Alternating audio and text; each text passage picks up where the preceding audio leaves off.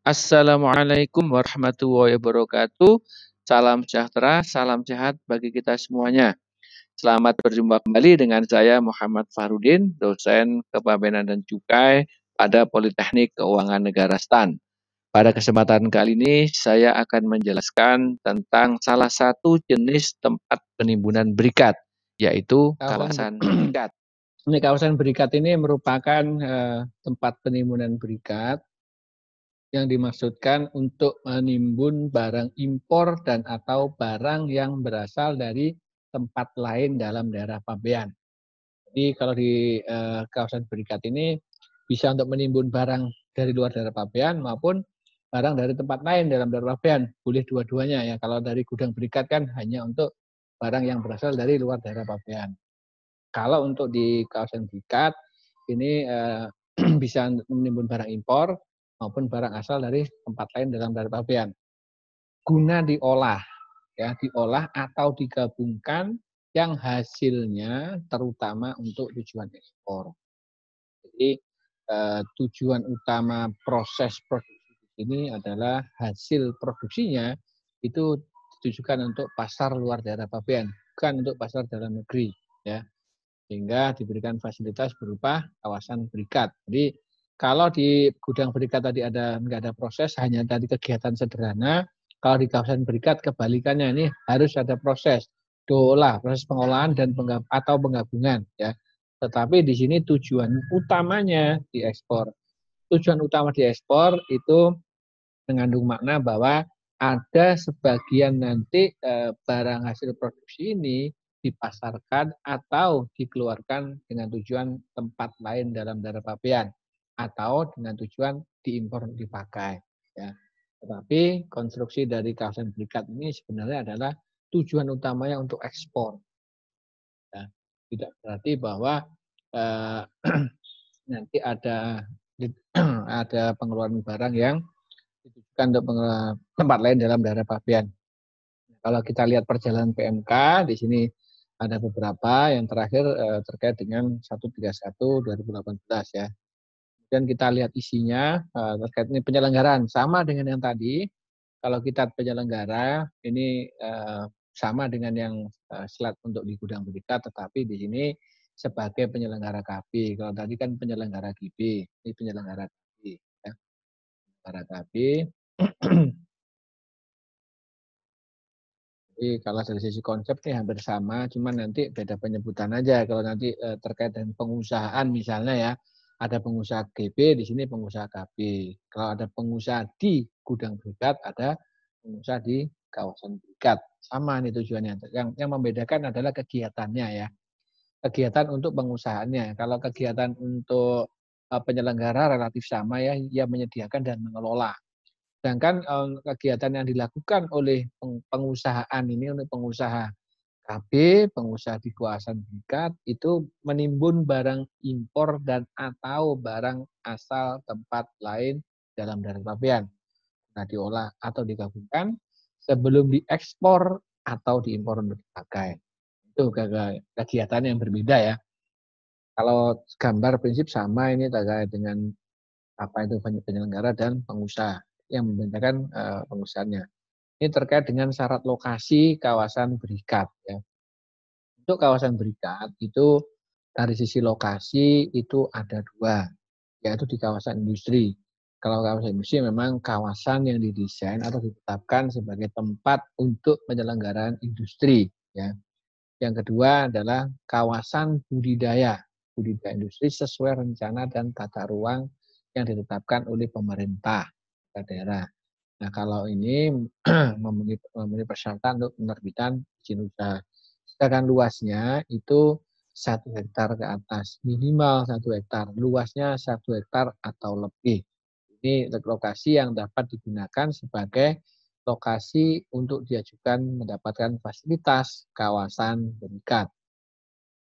Syarat administrasi fisik ya hampir sama tadi ya antara fisik administrasi DP dan eh, KB. Cuman tentunya uh, ini uh, disesuaikan dengan tujuan untuk uh, penyelenggaraan KB yaitu melakukan produksi ya berarti nanti tempatnya ada tempat untuk pengolahan. Kalau tadi ada tempat penyimpanan, di sini ada tempat untuk uh, pengolahan bahan baku menjadi produksi. Kemudian yang berikutnya proses perizinannya sama ya, nggak saya ulang karena uh, secara umum itu uh, sama untuk serial tempat penyimpanan berikat sama semua ya uh, Nah, namun kalau untuk di KB itu ada dua perizinan. Perizinan yang pertama adalah perizinan berkaitan dengan uh, pendiriannya, uh, dengan uh, izin uh, izin terkait dengan usahanya. Yang kedua nanti ada izin transaksional kawasan berikat. Ya. Misalnya pengeluaran sementara dari KB ke TLDDP, ya. Kemudian izin menerima pekerjaan lain dari badan usaha di luar TLDPP, ya dimasuk kontrak ini boleh. Kemudian izin pengeluaran bahan baku dan atau sisa bahan baku serta bahan penolong dan atau sisa bahan penolong ke TLDPP. Itu butuh izin perizinan uh, dari uh, kepala kantor pabean yang melakukan pengawasan. Ini yang sering disebut dengan perizinan transaksional ya izin operasional transaksional. Jadi, untuk memudahkan pelayanan Eh, dan mempercepat proses uh, yang akan dilakukan oleh kantor oleh uh, pengusaha kawasan berikat, maka perizinan cukup di kantor pengawasan uh, dan pelayanan juga yang melakukan pengawasan atas KB. Tidak perlu izin ke Kanwil Cukai atau Kepala KPU uh, untuk kegiatan operasional. Nah, kalau proses bisnis sama ya tadi ya yang eh, KB sama GB. Kalau gambarnya sama, cuma nanti di sini yang disesuaikan tentunya permohonan aja. Jadi secara umum sama proses atau alur permohonan termasuk waktunya sama ya antara badan KB dan GB serta untuk jenis-jenis perizinan uh, jenis tempat lainnya. Nah, jangka waktunya juga sama ya sampai uh, kalau jangka waktu ini sampai izin usaha industri dicabut, sampai izin KB dicabut. Jadi artinya pada saat izin usaha industri dicabut, itu uh, izin usaha KB-nya juga akan dicabut. Udah nggak berlaku lagi karena karena dokumen asal, dokumen persyaratan untuk KB dicabut, maka KB otomatis tidak berlaku. Jadi di sini uh, ada uh, dua dua ini ya, dua dua kategori ya untuk kawasan industri untuk penyelenggara KB, penyelenggara KB sekali KB maupun pengusaha di kawasan dekat, jangka waktu izinnya sampai izin usahanya dicabut. Yang lakukan kepabiannya sama ya dengan yang di GB tadi, eh, penangguhannya sampai barang dikeluarkan ke TLDDP ya, ini sama. Kemudian eh, untuk treatment pengeluaran barang asal TLDDP juga sama ya, nanti sama dengan uh, yaitu pembebasan cukai dan tidak dipungut BPN tidak dikenai BPN dan ini untuk eh, non PKP maupun barang yang bukan barang kena pajak. Kemudian pengeluaran ke TLDP juga sama, melunasi BPN, tidak penyerahan non PKP dan tidak dikenai BPN yang bukan penyerahan. Sama ini yang dengan tadi ya. Terkait dengan uh, pengenaan yang terkait dengan dasar pengenaan biaya masuk. Nah, dasar pengenaan biaya masuk untuk uh, biaya masuk itu nilai pabean sesuai dengan harga jual saat pengeluaran ke TLDDP. Jadi nilai pabeannya itu uh, merupakan harga harga jualnya. Harga jual itu sekaligus sebagai hasil uh, sebagian nilai pabean ya. Nilai pabean untuk perhitungan biaya masuknya dan klasifikasi barangnya yaitu yang di, uh, klasifikasi barang yang dikeluarkan ke TLDDP. Ya bisa jadi ini berubah ya karena uh, sebagai uh, proses bisnis di KP adalah mengubah bentuk ya dari barang menjadi bahan, eh dari barang menjadi bahan sehingga klasifikasinya uh, bisa berbeda. Kemudian pembebanannya pada saat pemberitaan pabean impor untuk dipakai didaftarkan ya pembebanan. Jadi kalau terkait dengan biaya masuk, di sini eh, harga penyerahan, harga menggunakan harga penyerahan itu semua mengikuti ketentuan saat uh, pemberitaan impor untuk dipakai. harga barangnya, harga penyerahan, klasifikasinya, klasifikasi kan, kemudian pembebanannya juga uh, pada saat DP didaftarkan. Juga tetap mengikuti ketentuan yang berlaku di Undang-Undang Cukai. Kemudian pajak dalam rangka impornya itu harga penyerahan yaitu harga jual plus tarif saat pengeluaran barang. Jadi sama masih sama pengeluaran semua penyerahan. Ini opsi yang pertama. Kedua, nanti eh, dasar pengenaan biaya masuk juga bisa menggunakan harga pemasukan, yaitu nilai pabean dan klasifikasi yang berlaku saat barang impor masuk ke kawasan berikat. Ya, jadi biaya masuk ini bisa menggunakan harga penyerahan dan harga pemasukan. Ya, kalau harga pemasukan itu artinya nilai pabean yang digunakan untuk menghitung biaya masuknya dan klasifikasinya saat masuk ke kawasan berikat. Sedangkan pembebanannya pada saat pemberitahuan impor barang itu didaftarkan. Pembebanannya ya nilai barang dan klasifikasinya saat masuk ke kawasan berikat, pembebanannya saat barang uh, didaftarkan di dalam pemberitahuan impor barang. Jadi ada ada dua pelakuan. Nilai klasifikasinya mengikuti yang lama bahan, tetapi pembebanan tarifnya ngikutin pada saat uh, barang didaftarkan. Itu kalau uh, menggunakan opsi uh, harga pemasukan sebagai dasar untuk menghitung biaya masuk. Juga nggak ada perubahan. Nah, untuk pajak dalam rangka impornya, nilai impor yang berlaku saat impor barang masuk KB. Ya. Saat barang masuk KB itu yang dihitung sebagai uh, nilai impor. Nah, nilai pabean dan biaya masuknya pada pembebanannya mengikuti saat didaftarkan tarif biaya masuknya. Tarif biaya masuknya itu uh, saat pemberian pabean impor untuk dipakai didaftarkan. Ini treatmentnya uh, sama dengan yang untuk hitung biaya masuk ya. Nah, kalau nanti misalnya uh, pengusaha KB uh, perusahaan di kawasan ini memilih opsi kedua harga pemasukan, maka harus memenuhi syarat ya, yaitu yang pertama konversi ada ada konversi pemakaian bahan baku dan barang penolong itu harus jelas. Sehingga Bea juga bisa menghitung konversi pemakaian bahan baku atas setiap produk yang akan di uh, dikenakan biaya masuk ini. Harus ada konversinya dan konversinya harus jelas. Kemudian saat masuk sudah ada transaksi ya. Saat pemasukannya dia sudah ada transaksi jual beli. Artinya saat masuk ini ada transaksi jual beli antara uh, buyer uh, sorry seller di luar negeri dengan pembeli barang di dalam negeri yaitu penyelenggara KB. Hingga kalau nanti di sini dilakukan kegiatan uh, subkontrak atau uh, kegiatan uh, kegiatan apa hanya uh, uh, hanya melakukan kegiatan produksi dengan bahan yang berasal dari pemilik barang di luar negeri itu tidak bisa menggunakan skema ini skemanya menggunakan harga penyerahan. Jadi sekali lagi ada dua opsi perhitungan biaya masuk dan PDRI serta juga ini uh, kalau untuk pem, uh, menggunakan harga pemasukan dikasih syarat tambahan yaitu ada konversi bahan baku yang jelas, kemudian saat masuk ke kawasan berikat sudah ada transaksi ya. Nah, ini nanti akan uh, dilakukan secara prodik oleh uh, kepala kantor wilayah bea atau pejabat bea yang ditunjuk ya ini uh, terkait dengan konversi dan persyaratan transaksi ini. Nah, uh, kalau menggunakan harga pemasukan ini uh, ada ketentuan tambahan bahwa jika tarif pemasukan tarif biaya masuk untuk bahan baku lebih besar dari tarif biaya masuk barang hasil produksi, maka dasar pengenaan biaya masuknya uh, yaitu pembebanan tarif biaya masuk barang hasil produksi yang berlaku saat dikeluarkan. Artinya diberikan opsi tarif biaya masuk yang uh, lebih kecil ya.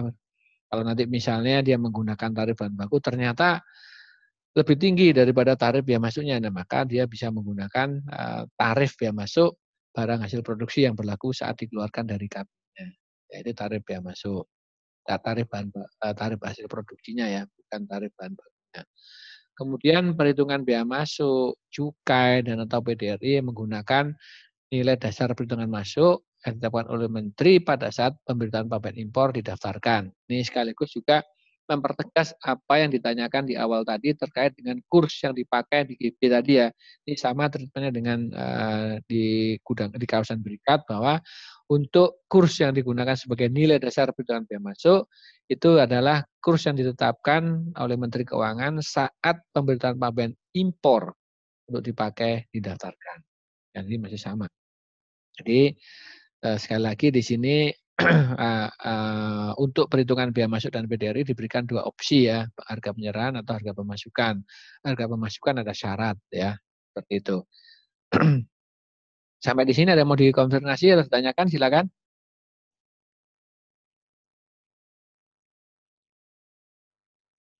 Kalau nggak ada saya lanjut ya. ini uh, terkait pengeluaran, uh, pemasukan dan pengeluaran barang. Nah, ini kalau terkait dengan uh, pemasukan dan pengeluaran barang untuk TPB ini relatif sama ya.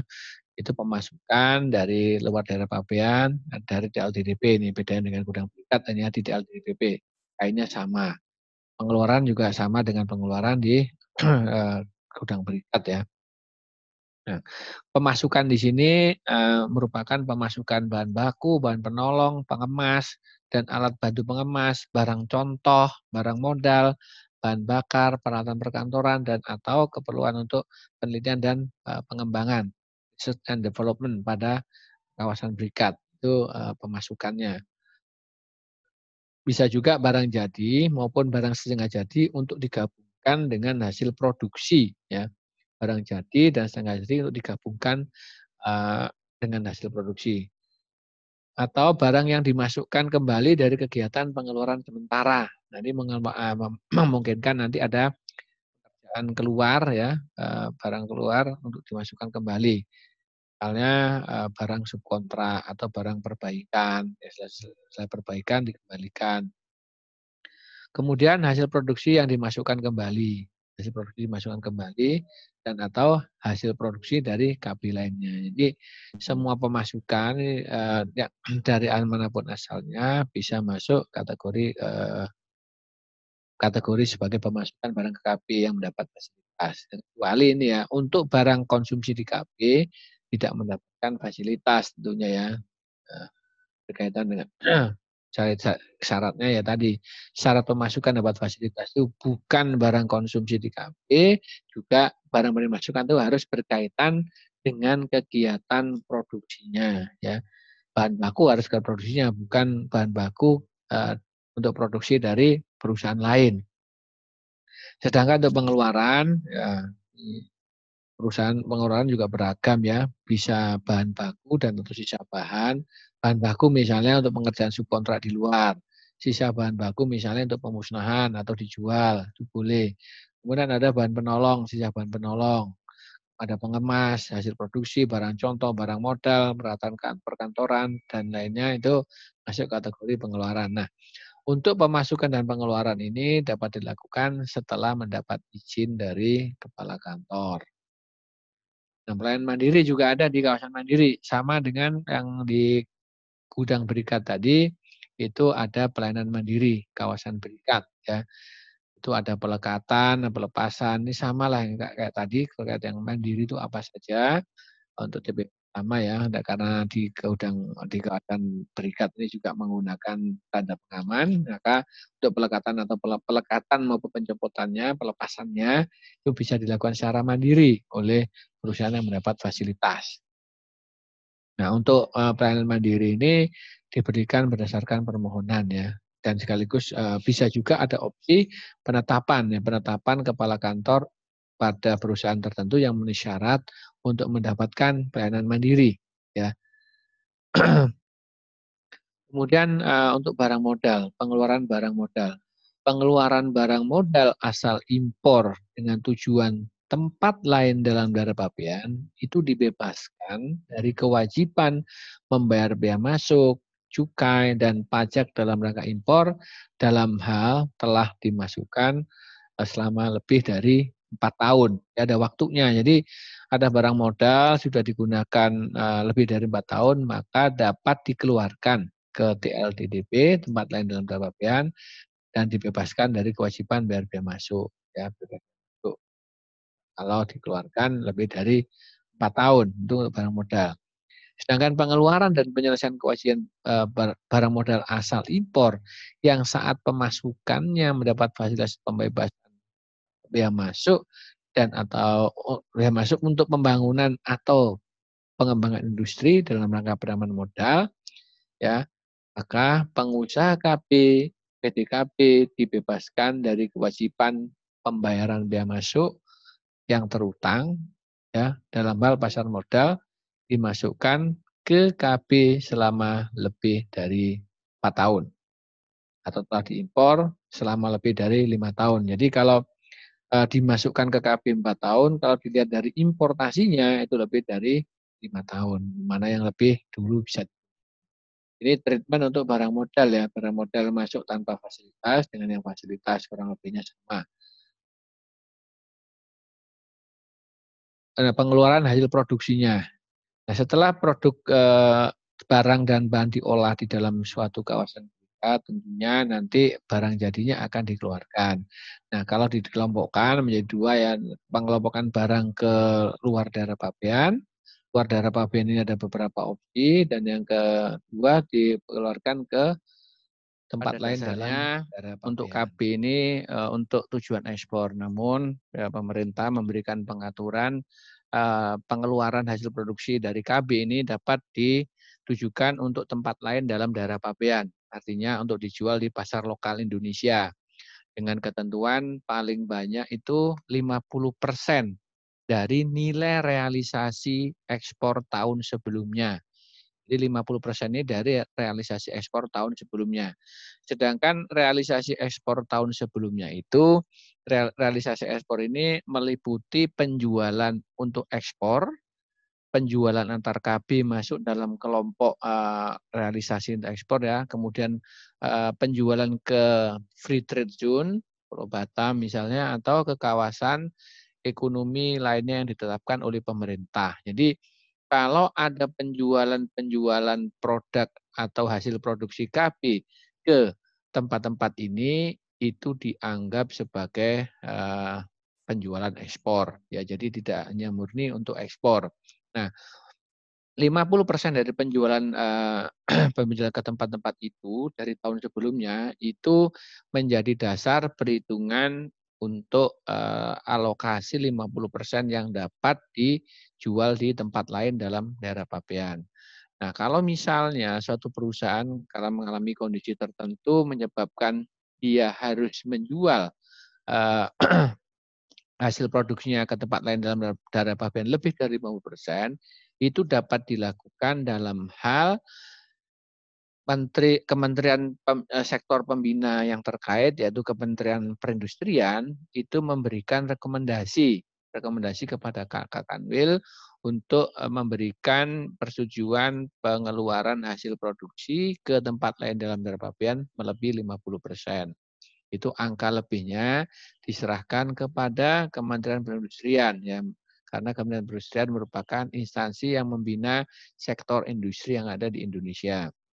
Nah, kemudian eh, ada ketentuan terkait dengan eh, batasan atau kuota ini itu apabila dilakukan penjualan melebihi batas maksimal yang tentukan nanti akan mengurangi alokasi penjualan ke tempat lain dalam daerah pabean tahun berikutnya. Nah, kalau sudah melebihi batas, bahkan nanti dilakukan pembekuan ya. Kalau melakukan penjualan melebihi batas yang ditentukan, nanti dilakukan pembekuan. Pembekuan izin kawasan berikat itu paling lama 30 3 eh, tahun. Sorry, 3 bulan. Nah, untuk uh, ilustrasi perhitungannya, mungkin barangkali bisa saya sampaikan contoh. Ya, maaf sebentar, saya harus stop dulu ya. Nah, saya, saya share. Di sini mungkin contoh perhitungan sederhana, bisa dilihat di layar sini. Jadi kalau misalnya ada suatu perusahaan dengan uh, data tahunan misalnya, ada data data tahun 2019, ini angka-angka hanya memudahkan uh, ilustrasi aja. Ini sudah kelihatan ya? Layarnya sudah, sudah. Ah, yang data ekspor kelihatan ini ya? Sudah, Pak. Nah, ini contohnya misalnya data ekspor tahun 2019 itu ada ekspor langsung ke Korea misalnya 10.000 US dollar. Kemudian ada penjualan ke PT Sadar. Nah, PT Sadar ini merupakan perusahaan penerima fasilitas kawasan berikat. Di kirinya kasir itu. Halo, mohon maaf. Ini meja kasir. Ya, jadi penjualan ke PT Sadar yang merupakan penerima fasilitas KB itu sebesar 15.000 US dollar misalnya. Kemudian ada penjualan ke PT Mandiri yang lokasinya di Free Trade Zone yang yang ditetapkan eh, yang perizinan ditetapkan oleh pengelola kawasan. Itu 5.000 eh, US dollar. Kemudian penjualan ke kawasan ekonomi lainnya itu 5.000.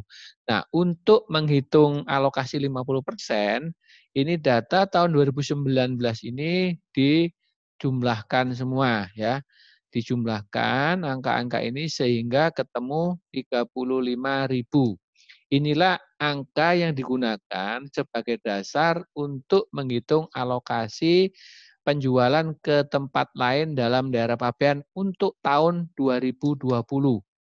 Nah ini alokasi waktu yang uh, alokasi yang digunakan uh, angka yang digunakan menghitung alokasi tahun berikutnya yaitu tahun 2020.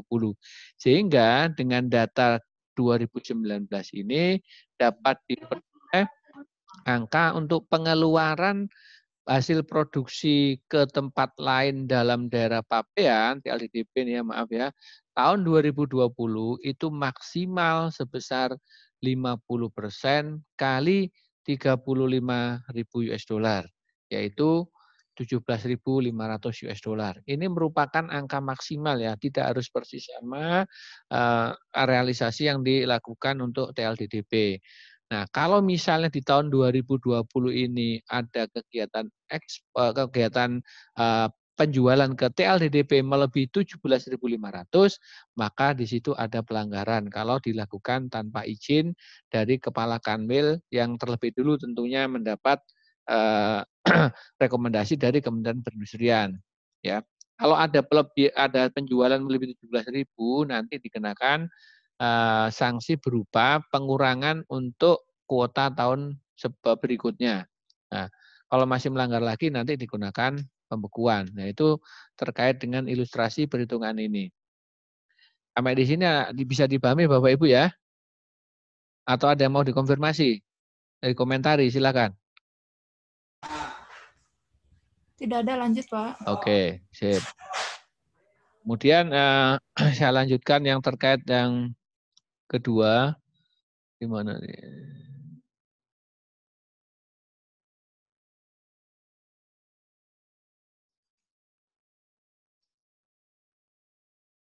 ada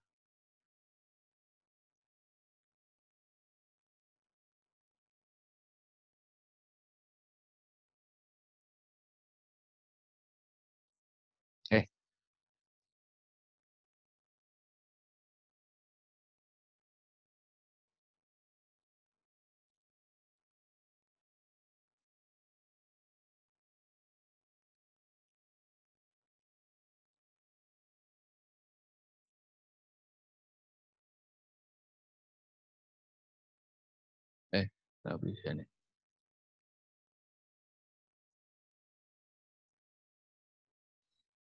Eh, kemudian untuk uh, pengeluaran sementara, pengeluaran sementara ini uh, bisa dilakukan dari kawasan berikat dengan tujuan bisa keluar daerah pabean, ya, bisa juga ke tempat tempat penimbunan berikat lainnya atau ke kawasan bebas atau bisa juga untuk pengeluaran ke tempat lain dalam daerah pabean, kawasan ekonomi khusus dan kawasan ekonomi lain yang ditetapkan oleh pemerintah. Jadi pengeluaran sementara dan subkontrak ini satunya sama ya, boleh tujuannya tadi ada beberapa kategori tempat, tentunya dengan treatment yang berbeda. Kalau kalau untuk eh, pengeluaran sementara bisa nanti bisa untuk tujuan subkontrak, perbaikan, reparasi, atau peminjaman barang modal untuk produksi. Jadi kalau barang-barang modal di KB itu nanti bisa dipinjamkan ya, bisa dipinjamkan ke perusahaan lain dalam konteks ini biasanya untuk uh, pengerjaan suatu subkontrak. Jadi untuk pengerjaan subkontrak itu di samping perusahaan mengirimkan bahan, nah tidak tertutup kemungkinan juga memberikan peminjaman barang modalnya, memberikan pinjaman barang modal terkait dengan produksi barang yang sesuai dengan kualitas yang diinginkan oleh perusahaan KB. Kemudian pengeluaran untuk keperluan pengetesan atau pengembangan kualitas produk Kemudian untuk tujuan uh, penggunaan returnable package yang berikutnya adalah tujuan lain di luar yang sebutan tadi itu dengan persetujuan dari kepala kantor. Nah, sedangkan perlakuan untuk pengeluaran sementara dan subkontrak ke tempat penimbunan berikat lain uh, lainnya ini biaya masuk dan pajak dalam rangka impor itu menjadi tanggung jawab dari uh, pengusaha di tempat penimbunan berikat tujuan penerima barang terhitung sejak dan terhitung sejak barang dan atau bahan yang diterima oleh tempat penimbunan berikat tujuan sampai dengan diterima kembali ya KB asal. Jadi tanggung jawabnya di sini itu mulainya dari saat barang tiba ya, ya barang barang diterima di TBP tujuan. Ya, selama barang belum tiba masih dalam perjalanan itu masih tanggung jawab dari perusahaan kawasan berikat ya kawasan berikat. Peralihan tanggung jawab pada saat barang tiba di tujuan yaitu TPP lainnya sampai kapan? Sampai barang diterima kembali. Jadi eh, untuk pengirimannya pada saat berangkat ini ya berangkat pengirimannya itu tanggung jawab dari eh, KB asal. Sementara kalau untuk eh, pengiriman baliknya ya perjalanan dari Eh, TPB lainnya ke kawasan berikat itu merupakan tanggung jawab perusahaan TPB yang menerima pekerjaan dalam konteks untuk tujuan pengeluaran impor sementara. Sedangkan untuk keperluan subkontrak, kegiatan ekspor dapat langsung dilakukan oleh pengguna, oleh pengusaha kawasan berikat pemberi subkontrak dari lokasi penerima subkontrak. Jadi ini pemerintah memberikan kemudahan ya terkait dengan uh, pengiriman barang ya. Tentunya ini untuk memberikan uh, kelonggaran terkait dengan efisiensi biaya ya. Tidak ada uh, pengembalian barang lebih dulu ke perusahaan KB. Misalnya suatu perusahaan KB, ya Pak? Gimana Pak? Ya, saya ulang ya. Jadi contohnya nih misalnya begini. Ada perusahaan KB itu lokasinya uh, di Cikarang ya, misalnya di Cikarang. Kemudian dia mensubkontrakkan pekerjaan terakhirnya di Cibitung misalnya. Nah, untuk kepentingan eksportasinya nanti eh, pada saat barang selesai subkontrak itu tidak harus dikembalikan dulu ke Cikarang. Ya. Ya, tidak tidak harus uh, kembali ke Cikarang, tetapi bisa langsung diekspor dari tempat penerima subkontrak yaitu Cibitung. Dari Cibitung langsung misalnya dibawa ke Priok tidak perlu uh, dibawa lebih dulu ke uh, Cikarang sehingga di sini ada kos yang menjadi hemat setidaknya uh, ongkos bongkar muat tidak menjadi dua kali ya. Itu kalau menggunakan fasilitas KB ini ya, untuk untuk subkontrak ya. Kemudian terkait dengan uh, tujuan pengeluaran ke tempat lain dalam daerah pabean, pengeluaran sementara subkontrak ini nanti uh, dilakukan dengan permohonan ya, dengan kepala kantor masuk dalam uh, kategori kemudahan prosedur untuk uh, transaksional ini ya, itu harus izin kepala kantor. Nanti kepala kantor akan menetapkan pemberian izin ini berikut batas waktunya. Batas waktunya berapa lama? Tergantung dari permohonan uh, dari pengusaha KB dan tentunya pada saat pengajuan permohonan diambil dokumen. Dari dokumen-dokumen itu nanti bisa kelihatan berapa lama waktu pekerjaan subkontrak yang dilakukan sehingga nanti kepala kantor dapat mementapkan batas waktu maksimal barang harus kembali ke eh, kawasan berikat. Nah, untuk pengeluaran ke tempat lain dalam daerah Pabian ini itu eh, bisa diberikan eh, harus mempertaruhkan jaminan ya, harus mempertaruhkan jaminan, mempertaruhkan jaminan sebesar ya masuk cukai kalau ada dan pajak dalam rangka impor yang terutang dalam hal barang atau bahan yang akan dikeluarkan itu berasal dari impor. Sedangkan untuk barang atau bahan yang berasal dari TLDDP atau tempat lain dalam daerah pabean, tidak perlu mempertaruhkan jaminan. Jadi jaminan untuk pengeluaran sementara uh, tujuan tempat lain dalam daerah pabean ini hanya untuk barang asal impor ya. Nah, sekarang untuk uh, pengeluaran sementara dan subkontrak dengan tujuan TLDDP ini apabila barang dan bahan itu tidak dimasukkan kembali ke kawasan berikat maka jaminan dicairkan ya jaminan yang ada di bea cukai nanti dicairkan. Artinya disetorkan ke kas negara. Kemudian diberikan sanksi sebesar 100% dari bea masuk yang seharusnya dibayar. Kemudian ada kewajiban untuk membuat faktur. Faktur pajak uh, dan melakukan pemungutan PPN dan PPNBM.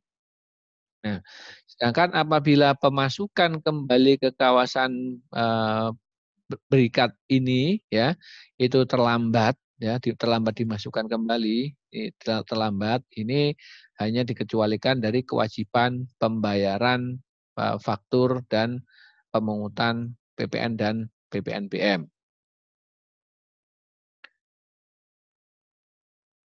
Kemudian uh, terkait dengan ketentuan pengeluaran sementara uh, ke tempat lain dalam daerah pabean untuk tujuan subkontrak ini uh, harus ada perjanjian ya. Pengeluaran dengan tujuan subkontrak ke TLDDP ini harus berdasarkan perjanjian subkontrak antara perusahaan KB dengan perusahaan yang menerima subkontrak ya di, di tempat lain dalam daerah pabean. Kemudian batas waktu persetujuan, ini batas waktu sesuai dengan yang disebutkan di dalam perjanjian subkontrak.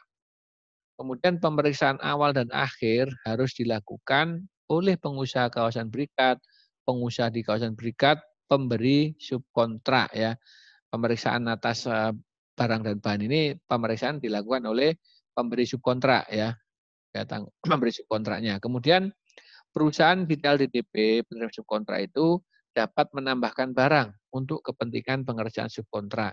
Jadi misalnya untuk penambahan misalnya untuk penambahan aksesoris, misalnya terkait misalnya yang dikerjakan adalah jahit baju, misalnya yang dikirim dari perusahaan KB itu kain yang sudah dipotong-potong, disubkonkan uh, dengan jahitan dan pemasangan kancing misalnya. Itu uh, contoh misalnya uh, terkait dengan penambahan barang pengerjaan subkontrak. Jadi eh, terkait dengan tambahan aksesoris ini tentunya nanti disebutkan di dalam eh, perjanjian subkontraknya sehingga BCK mengetahui nanti pada saat eh, dilakukan pengerjaan di penerima subkontrak itu ada tambahan pekerjaan dan tambahan penambahan barang asal dalam daerah pabean.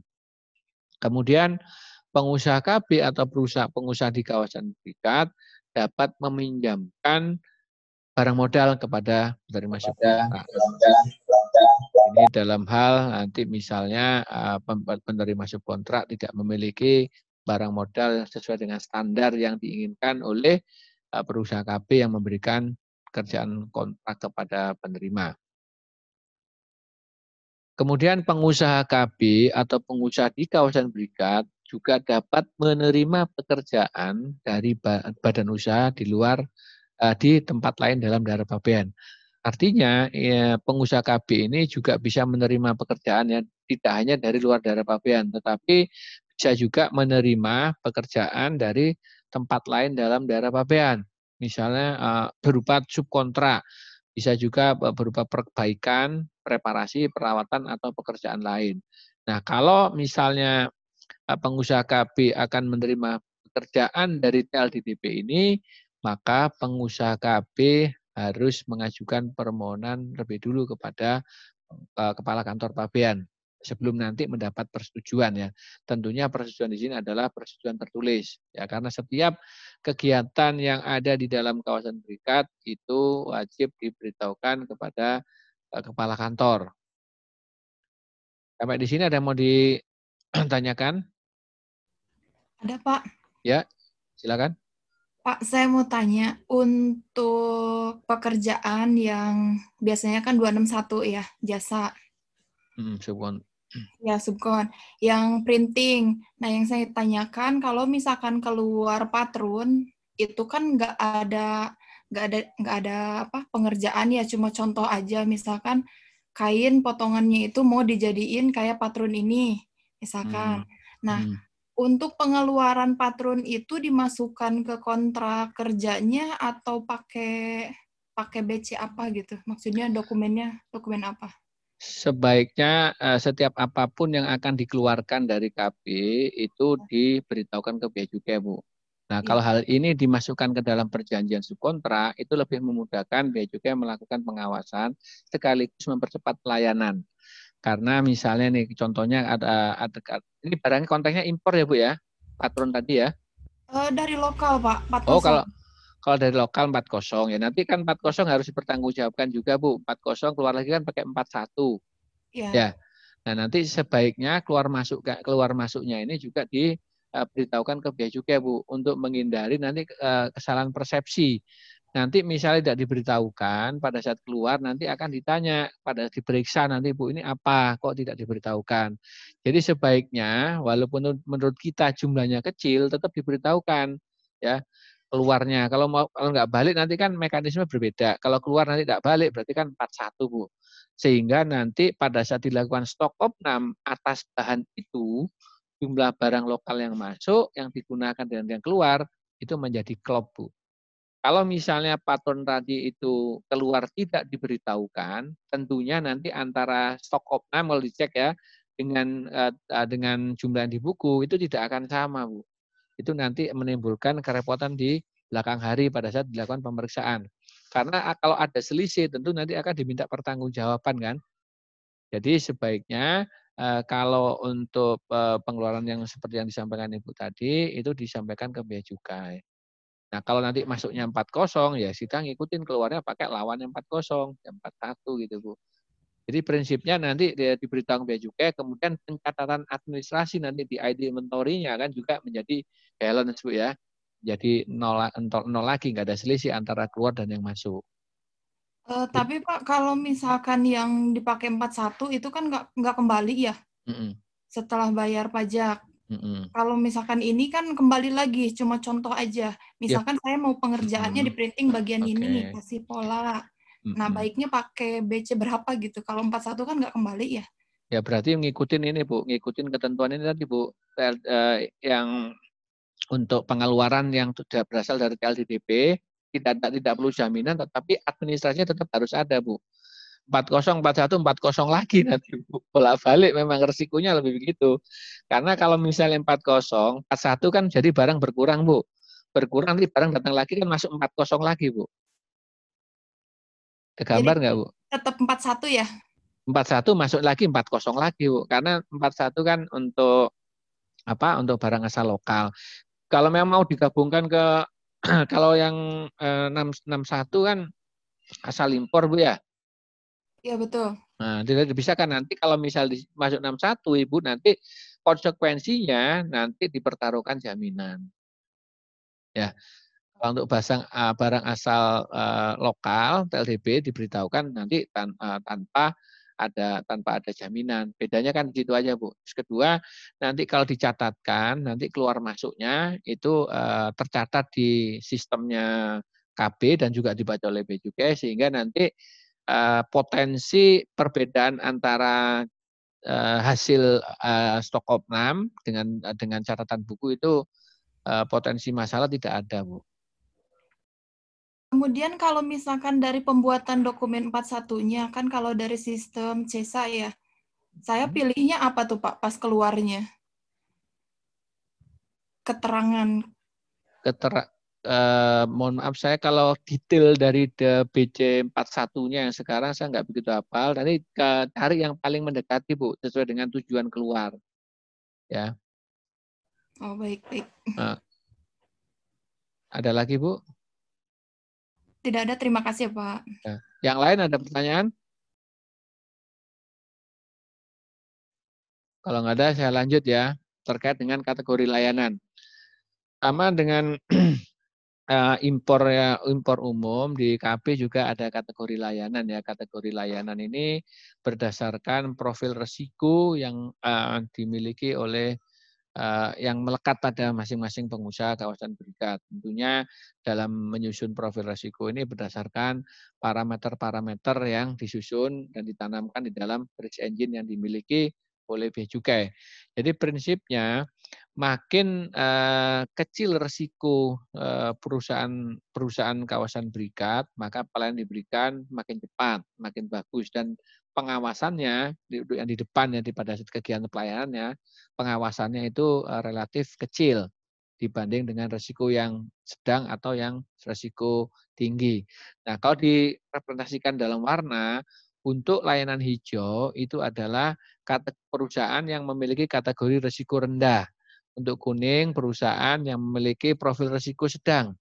Sedangkan untuk layanan uh, merah itu diberi, diberikan untuk perusahaan dengan profil, profil risiko kategori uh, uh, profil risikonya risiko risikonya dia tinggi ya.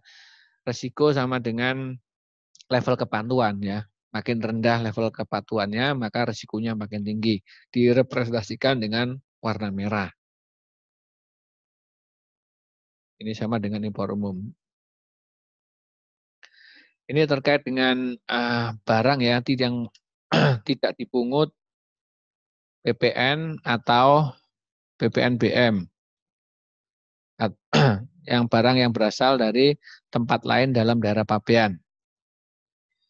Pemasukan barang dari tempat lain dalam daerah pabean ke kawasan berikat untuk dilola lebih lanjut ini tidak dipungut BPN. Kemudian pemasukan kembali barang dan hasil produksi barang lain dalam rangka subkontrak dari KB lain atau uh, eh, TLDDP. Ini yang Ibu tadi ya Bu ya, masuk kategori ini Bu ya, pemasukan kembali barang.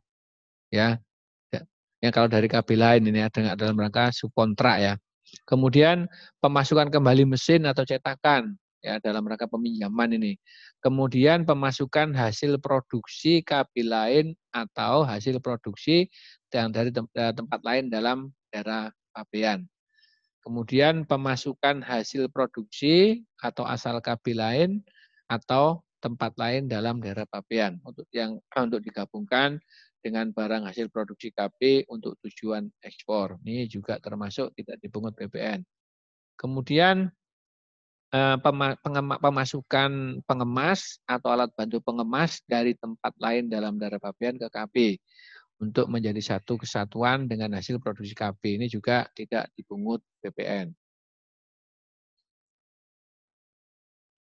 Pencacahan, pencacahan ini eh, terkait dengan penjajahan ini ada kewajiban bagi pengusaha KB atau pengusaha di kawasan berikat untuk melakukan penjajahan minimal satu kali dalam setahun ya. Ini penjajahan terkait dengan barang-barang yang mendapat fasilitas ya, barang-barang yang mendapat fasilitas uh, kawasan berikat ya.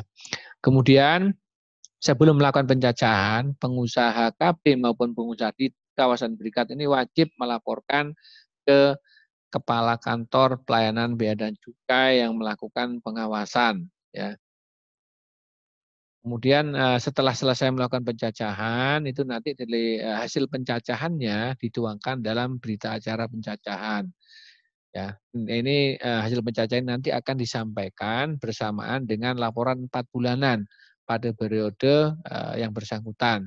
Jadi nanti ada kewajiban ya untuk menyampaikan laporan empat bulanan. Nah, pada saat dilakukan pencacahan, eh, berita acara pencacahan ini disampaikan juga bersama dengan laporan empat bulanan.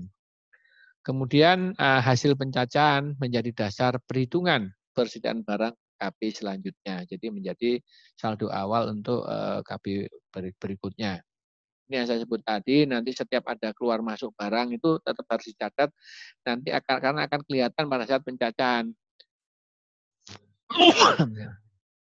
Jadi hasil pencacahan ini tentunya akan di maaf ya. Hasil pencacahan nanti akan digunakan sebagai dasar untuk membandingkan eh, dengan pencatatan yang telah dilakukan. Ini dari buku ya, buku catatan. Nah, pencaca pencacahan ini eh, dilakukan pengawasan oleh Bea Cukai berdasarkan manajemen risiko.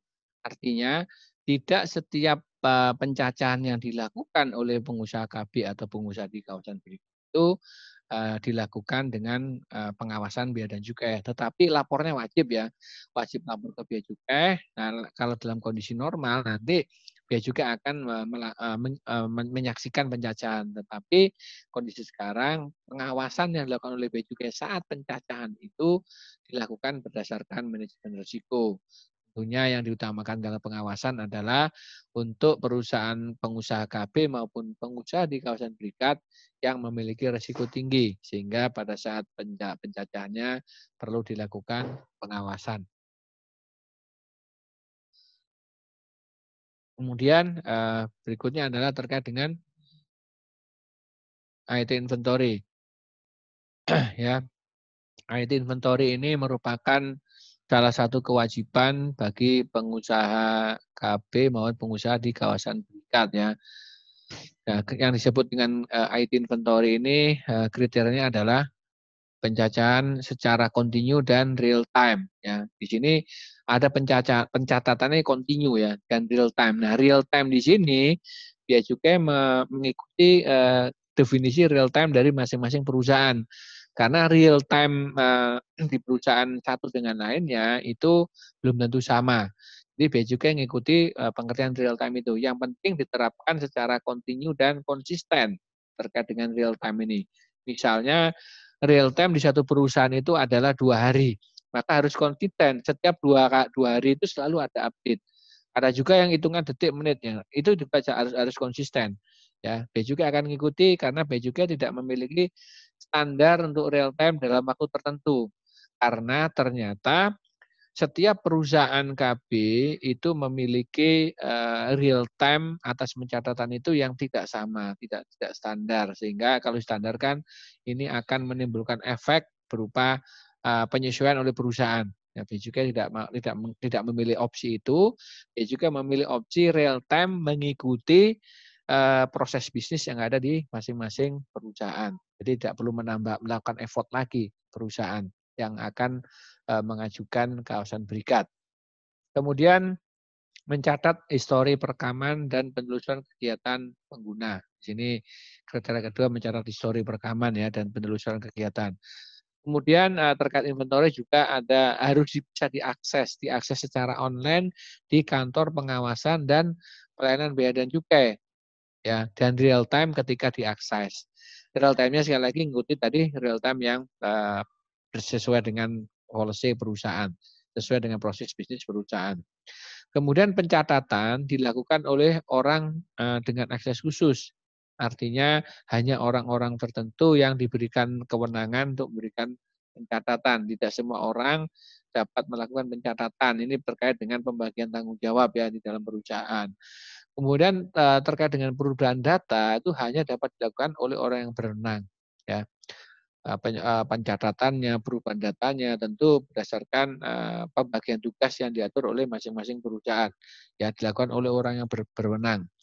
Nah, kemudian IT inventory yang dimaksud di sini adalah IT inventory yang dapat menggambarkan keterkaitan antara dokumen kepabianan, dokumen kepabianan apa pun di situ yang terkait, J23, dua, dua, dua yang lain, kemudian ada BJ 41, 041, 261, 262 dan lain yang termasuk kelompok dokumen pabean dan jenis data jenis nomor dan tanggal kepabianan yang diambil yang itu menggambarkan keterkaitan. Jadi di IT inventory ini selain berisi data berkaitan dengan dokumen perdagangan, dokumen pengiriman, juga ada dokumen kepabianan di situ, ada uh, keterkaitan karena nanti dari satu inventory itu Eh, bisa ditelusuri per masing-masing transaksi dengan dokumen kepabianannya. Nah, kemudian eh, secara periodik tadi empat bulan akan memberikan laporan terkait dengan IT inventory ini ya. Terkait dengan akses tadi Bea Cukai uh, mengakses online real time ini agar nanti uh, Bea Cukai juga mendapat akses uh, untuk membaca laporan dan mengunduh data laporan. Jadi akses di sini tidak hanya membaca, juga mengunduh, mendownload data laporan untuk kepentingan analisis uh, yang dilakukan oleh unit uh, pelayanan di kepabianan maupun unit pengawasan ya. Lakukan analisis terkait dengan kegiatan yang dilakukan oleh penerima fasilitas kawasan berikat. Nah, kemudian sistem inventory KB harus memuat sedemikian rupa sehingga dapat membuat laporan.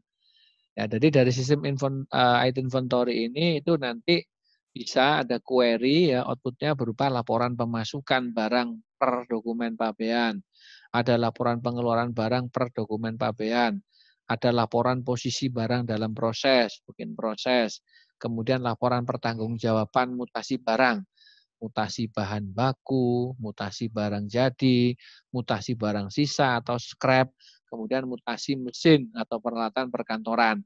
Nah ini pertanyaan eh, pertanyaan Ibu tadi, mutasi bahan baku tadi atau barang yang untuk kepentingan contoh tadi, kalau tidak dimasukkan, nanti tidak tergambar di sini, pasti akan ada selisih nanti. Untuk itu tadi eh, korelasi dengan pertanyaan Ibu tadi, kenapa harus dilaporkan dan dicatatkan? Karena terkait dengan laporan pertanggungjawaban mutasi barang nanti ya. Kemudian nanti eh, kewajiban membuat laporan 4 bulanan ini. 4 bulanan itu ada eh, IT, inventory perusahaan. itu laporan bulanan tadi pertanggungjawaban mutasi barang, bahan baku dan bahan penolong ya. Kemudian ada laporan pertanggungjawaban mutasi barang jadi, laporan pertanggungjawaban mutasi barang sisa scrap, kemudian laporan pertanggungjawaban mutasi mesin, peralatan perkantoran. Itu nanti eh, paling lambat tanggal 10 bulan berikutnya.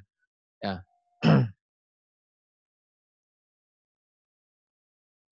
Ya, terkait dengan pelaporan, nanti pejabat bea cukai uh, akan melakukan penelitian kalau terkait adanya selisih atas laporan. Ada selisih, tentunya nanti akan ditelusuri. Uh, kenapa ada selisih, dicari sebabnya ya. Dicari sebabnya kenapa ada selisih, tentu nanti ada pencocokan dokumen di sini. Ada pemberian bisa juga nanti berupa keterangan, keterangan plus dokumen yang mendukung mendukung uh, keterangan terkait dengan selisih atas laporan. Kemudian dalam hal terdapat selisih itu dilakukan penelitian mendalam ya. Apabila nanti ada dugaan pidana, ada bukti awal yang cukup, maka akan dilakukan penyidikan. Ya. Kalau ada pilihan uh, selisih kurang, ya ada selisih kurang, tidak ada pidana, maka dapat dilakukan penagihan. Itu terkait dari pelaporan. Nah, nah terkait dengan ruang hanggar juga ditentukan kriterianya ya. Di sini sudah ada terkait dengan sarana karena di sini hanggar biaya cukai itu dimaksudkan untuk memudahkan pelayanan kepada pengguna jasa yaitu pengusaha KB tentunya harus ada standarisasi. Di sini ada standarisasi terkait dengan fasilitas yang ada di eh, lingkungan gudang. Setidaknya standar mengikuti standar kantor ya. Di sini harus menyediakan ruang kerja, sarana kerja, fasilitas yang layak bagi petugas bea cukai untuk melakukan pelayanan pengawasan dan pengawasan. Ya, di sini contohnya untuk pelayanan ada uh, di sini komputer ya, ada komputer nanti bisa juga untuk memonitor uh, aktivitas melalui CCTV di situ melalui komputer layar komputer itu. Kemudian bisa juga melihat uh, uh, IT inventory karena nanti peralatan komputer yang ada di hanggar itu uh, harus terkoneksi dengan IT inventory sehingga petugas sanggar dapat melakukan monitoring IT inventory setiap saat ya untuk keperluan analisis itu terkait dengan ruang anggar. Kemudian pemasukan barang ya pemasukan barang ini bisa dari gudang berikat ya di sini gudang berikat, taman berikat, uh, kemudian ke luar daerah dari luar daerah pabean, dan tempat lain dalam daerah Babean. Pak, Pak Rudi. Ya, ya. Mau nanya Pak. Silakan Pak. Pak untuk pemeriksaan inventory sama uh, fasilitas itu itu kan ada di penyelenggara ada di penyelenggara juga kan Pak kayak CCTV kemudian akses itu kan sebelumnya sudah ada di penyelenggara Pak pengusaha kan terima jadi Pak Hmm. Apakah pemeriksaannya itu ke penyelenggara apa BC langsung ke pengusahanya, Pak? Ke pengusaha yang melakukan kegiatan, Pak. Kalau penyelenggara kan menyediakan fasilitas dia, Pak. Nah, ini uh, tidak semua kawasan berikat itu uh, ada beberapa dalam satu tempat. Nah, ada yang uh, ada juga satu penyelenggara itu satu, satu ke kawasan berikat. Jadi ini berlakunya umum, Pak. Misalnya uh, ada penyelenggara, ada pengusaha kawasan berikat. Ya, yang sebutkan tadi ini kewajiban untuk uh, pengusaha di kawasan berikat ke pengusahanya, Pak, karena berkaitan dengan kegiatannya, Pak. Jadi kegiatan melakukan uh, pemasukan, penimbunan, pengolahan tadi kan adanya di pengusaha, Pak. Bukan fasilitas fasilitas yang secara umum yang besaran yang besarannya itu, Pak. Misalnya tadi kalau yang diselenggarakan penyelenggara itu memang ada pembuat, pembuat pembuatan uh, sarana pabriknya. Di situ juga ada CCTV-nya misalnya. Nah, nanti di sini kalau itu dirasa cukup, ya juga nanti minta aksesnya. Ya, karena itu menyangkut misalnya uh, lingkungan yang menjadi lingkungan atau tempat yang menjadi tanggung jawab pengusaha KB, maka Becukai sebatas meminta yang menjadi tanggung jawab pengusaha KB. Katakanlah misalnya di suatu kawasan berikat itu uh, ada beberapa pengusaha di kawasan di kawasan berikat, Pak. Misalnya ada 10 kamar lah ya. Nah, satu kamar itu tanggung jawab A misalnya nanti B juga akan meminta kepada A hanya untuk pemasangan yang ada di A, Pak. Bukan keseluruhan di penyelenggara, Pak ya. Hanya fokus yang di A. Jadi per masing-masing. Nanti di B juga sama. Minta juga CCTV yang di B. Nah, lazimnya pasang CCTV itu penempatannya itu di tempat keluar masuk, eh, masing-masing keluar masuk KB-nya, kemudian tempat eh, penyimpanan barang bahan atau barang, barang atau bahan, eh, tempat work in process, di tempat finish good, kemudian di tempat scrap. Nah, itu tempat-tempat yang lazim dipasang CCTV ya. Dan di tempat keluar masuknya, di tempat di tempat keluar masuknya barang. Jadi ini kewajiban ini melekat ke masing-masing pengusaha di kawasan berikat, Pak, dan pengusaha kawasan berikat.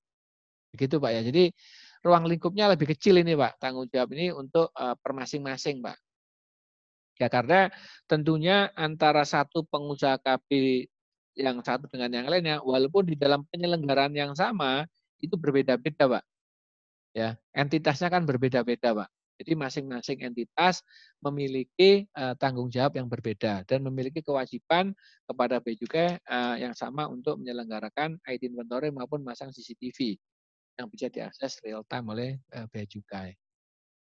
Begitu Pak ya. Kebayang nggak Pak?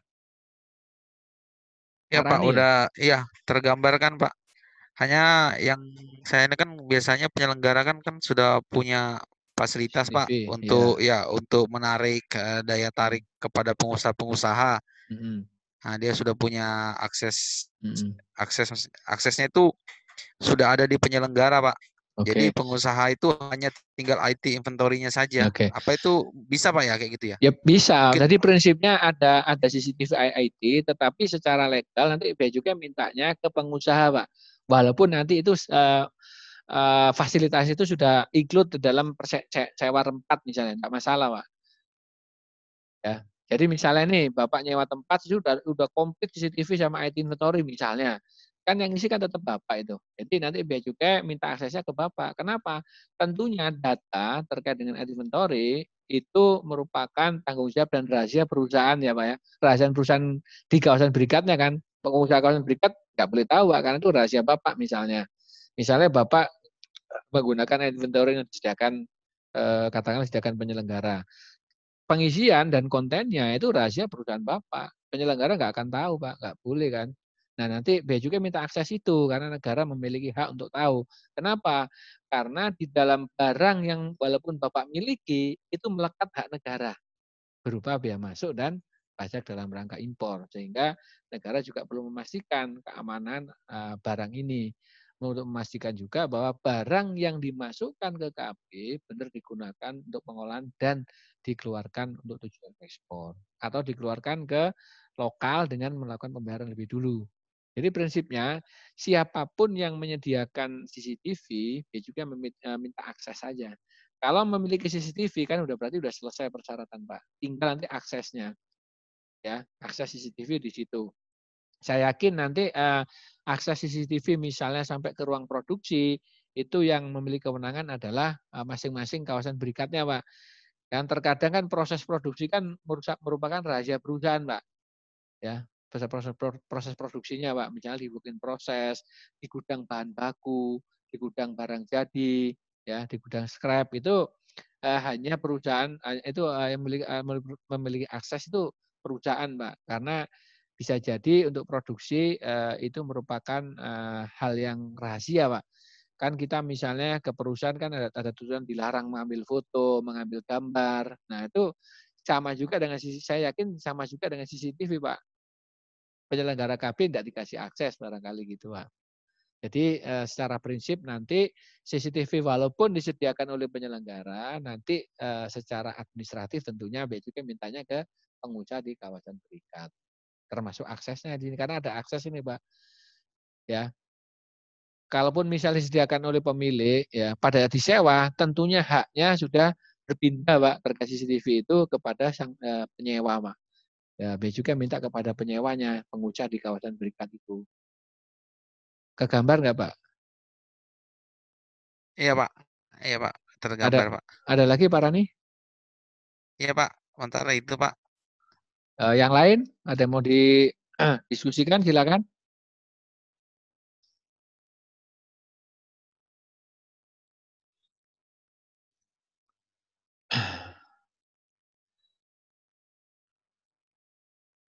Ini misalnya sekarang pemasukan barang impor ya, barang-barang impor ke KB. Barang impor ke KB itu mendapatkan fasilitas berupa penangguhan bea masuk dan tidak dipungut pajak dalam rangka impor. Nah, nanti dokumen yang digunakan untuk pemasukan barang ke kawasan berikat adalah BC23. Nah, bisa jadi nanti pemasukan barang impor ke KB ini tanpa menggunakan fasilitas ya Ya, kalau memasukkan barang tanpa fasilitas, kalau berasal dari impor itu uh, menggunakan BC20 ya, BC20. Kalau misalnya barang asal impor tetapi sudah dibayar biaya masuknya dan di lokal, itu berarti kategorinya masuk uh, barang lokal walaupun asalnya impor, uh, pemasukan ke KB menggunakan BC40 istilahnya nanti dokumen-dokumen uh, pemasukan barang asal tempat lain dalam daerah pabean. Kemudian pengeluaran barang nih, pengeluaran barang juga secara umum sama dengan asal barang pemasukan barang ya. Bisa pengeluarannya keluar dari pabean ini tujuan utamanya didirikannya kawasan berikat. Kemudian bisa juga dikeluarkan ke kawasan berikat lainnya atau ke gudang berikat atau ke tempat penimbun eh, tempat pameran penyelenggaraan pameran berikat atau ke perusahaan kita perusahaan kita atau ke kawasan bebas atau ke tempat lain dalam daerah pabean. Nah, kemudian untuk hasil produksi eh, ke TLDDP ya di sini eh, ada batasan maksimal di 50% dari penjumlahan nilai realisasi tahun sebelumnya ya. Realisasi ekspor nih ya. Realisasi ekspornya tadi sudah definisikan ya. Kemudian ini eh, bahan baku diproses di KB hasil produksinya ini 50% Ini uh, uh, ulang lagi ada nilai ekspor, kemudian nilai penjualan nilai penjualan hasil produksi kawasan berikat ke KB lain, kawasan bebas maupun ke kawasan ekonomi lainnya.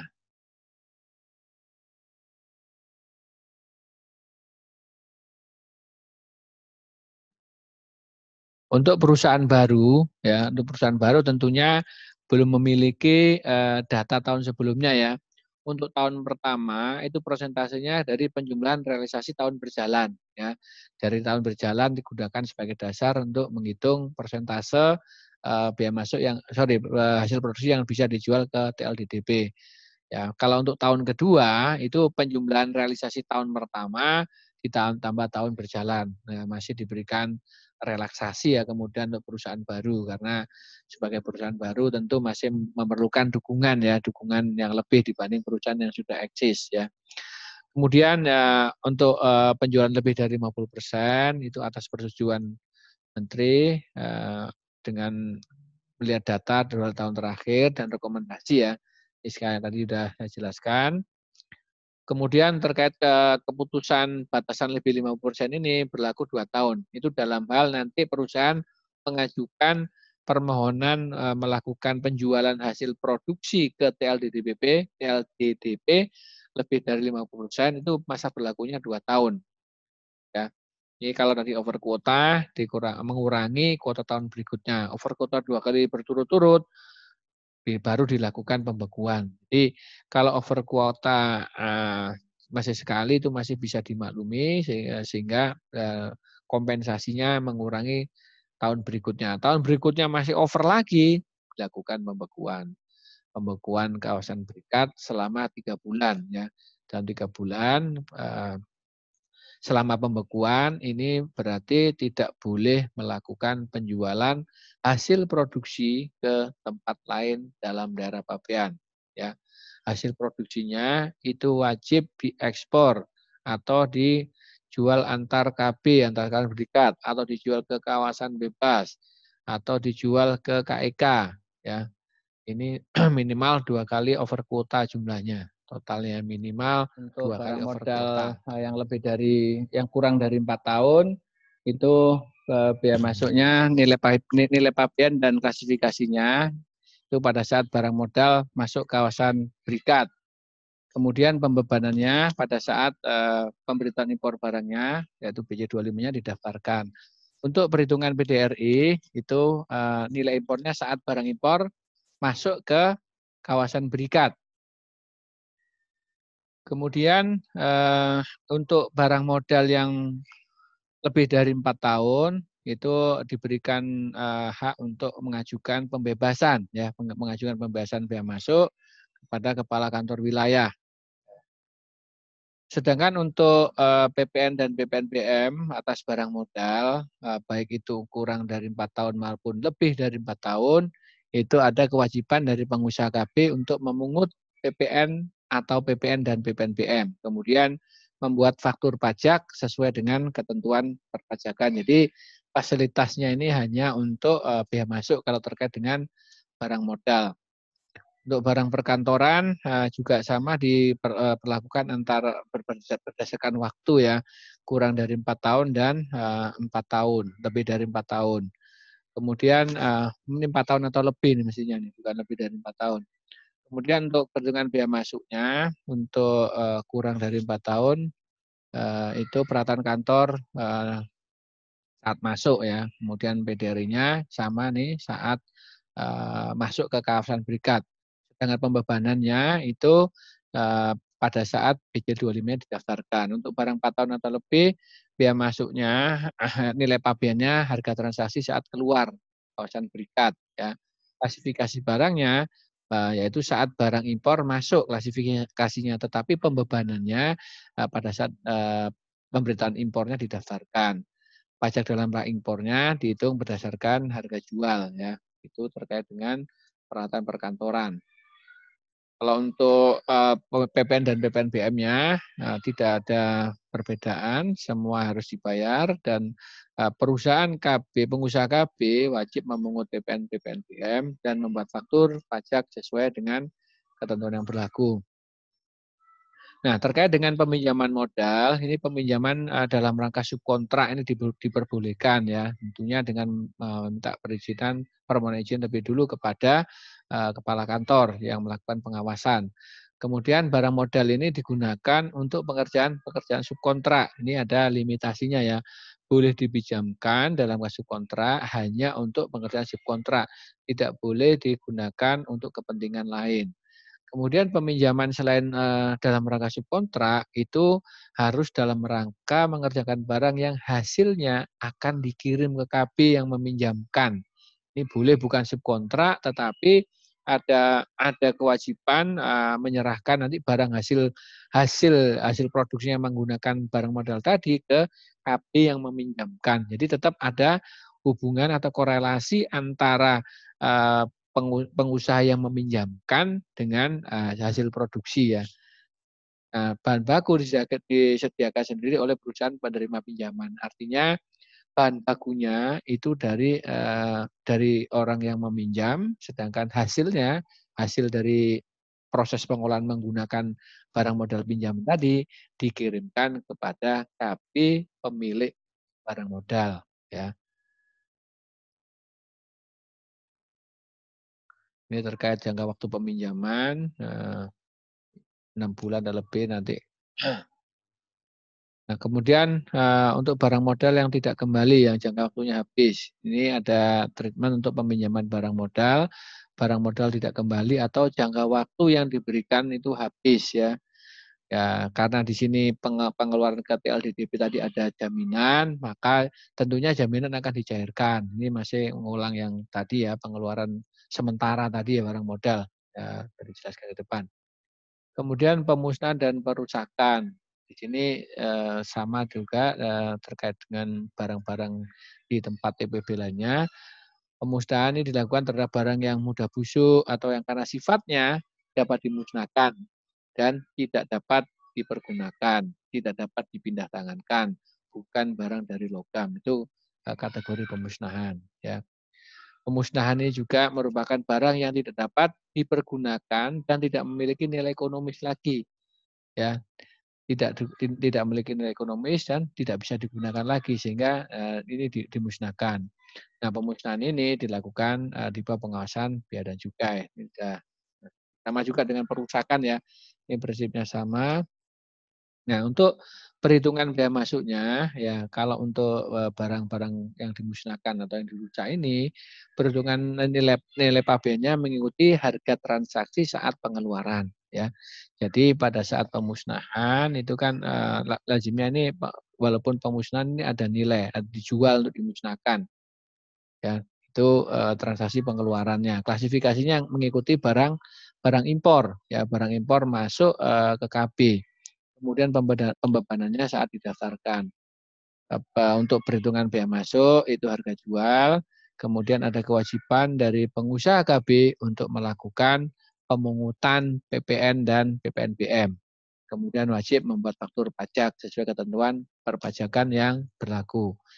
Ini kode-kode dokumen yang digunakan untuk eh, pemasukan maupun pengeluaran barang dan bahan yang masuk ke dan keluar dari kawasan berikat ya. Ini dokumentasi-dokumentasi ya, jenis-jenis dokumennya.